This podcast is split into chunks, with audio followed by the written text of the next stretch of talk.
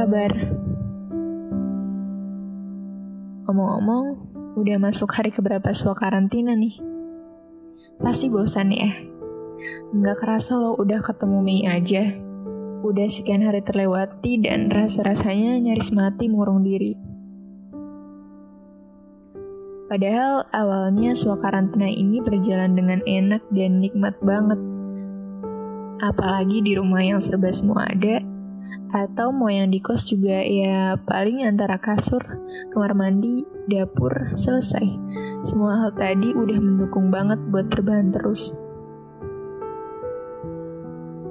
Tapi dipikir-pikir lagi setelah sekian hari berlalu, kita jadi sadar kalau ternyata tubuh juga punya titik suntuk untuk nggak ngapa-ngapain. Ternyata rebahan yang mulanya nikmat, lama-lama jadi muak Ternyata waktu luang yang kelihatannya menyenangkan, lama-lama terasa membosankan. Hal-hal yang melewati dosis ternyata memang nggak sehat. Masalahnya otak diajak buat mikir ke sana dan kemari dari kuliah, tugas online, sampai mikirin rapat online yang ngalor ngidul tentang proker atau apalah itu. Tapi tubuh cuma rebahan, rebahan, dan rebahan. Lahan-lahan otak yang harus dipakai berpikir jadi bermain terbahan juga. Pusing nugas, pusing kuliah, dan segala hal daring tadi membawa kita untuk cenderung mencari pelampiasan. Karena kaki nggak bisa ke mana-mana, jadi biar mata yang bersafari lebih lama di dunia maya. Dari buka mata sampai nutup mata lagi, entah itu laptop atau handphone. Mereka adalah teman kita setiap jam dan detiknya. Mungkin bisa diawali dengan membuka WhatsApp dan ditutup dengan WhatsApp lagi. Ya, walaupun tetap sepi-sepi aja sih. Atau diawali dengan menonton drama Korea dan diakhiri dengan rasa penasaran karena menyimpan episode selanjutnya untuk esok hari Biar rasa penasaran itu jadi pemanis mimpi dan penyemangat bangun di pagi hari. Padahal setelah bangun, hidup juga nggak serta-merta berubah seindah drama Korea. Atau menonton vlog satu ke vlog yang lainnya.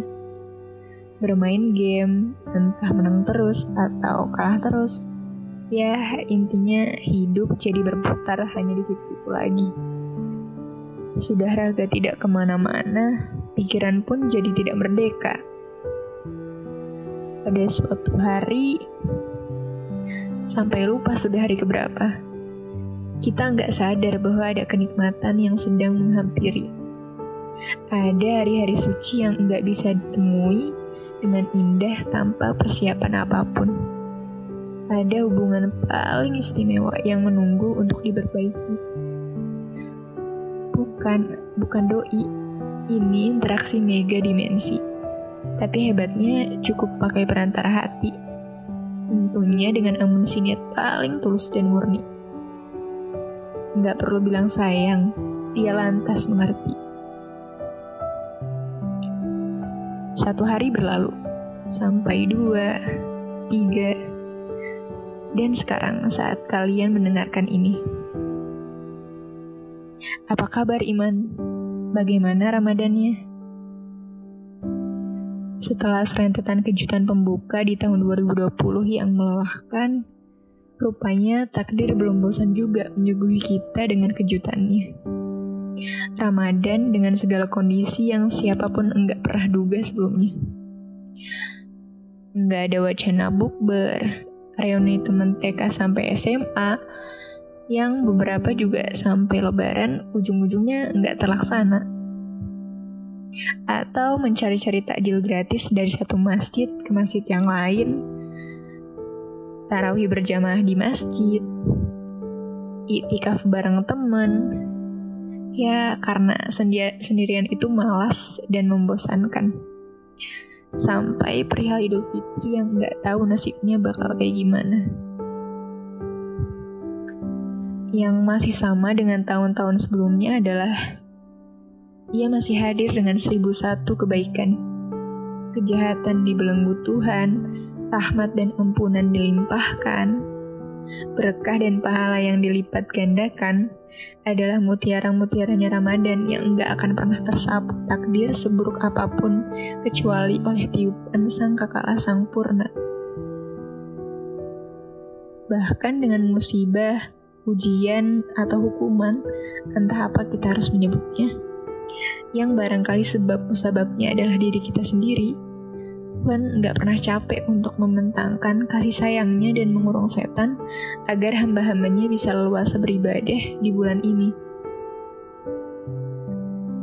Jadi, kalau sumber kejahatan sudah dibekap bahkan sama Tuhan, tapi maksiat masih jalan, lalu sebenarnya salah siapa?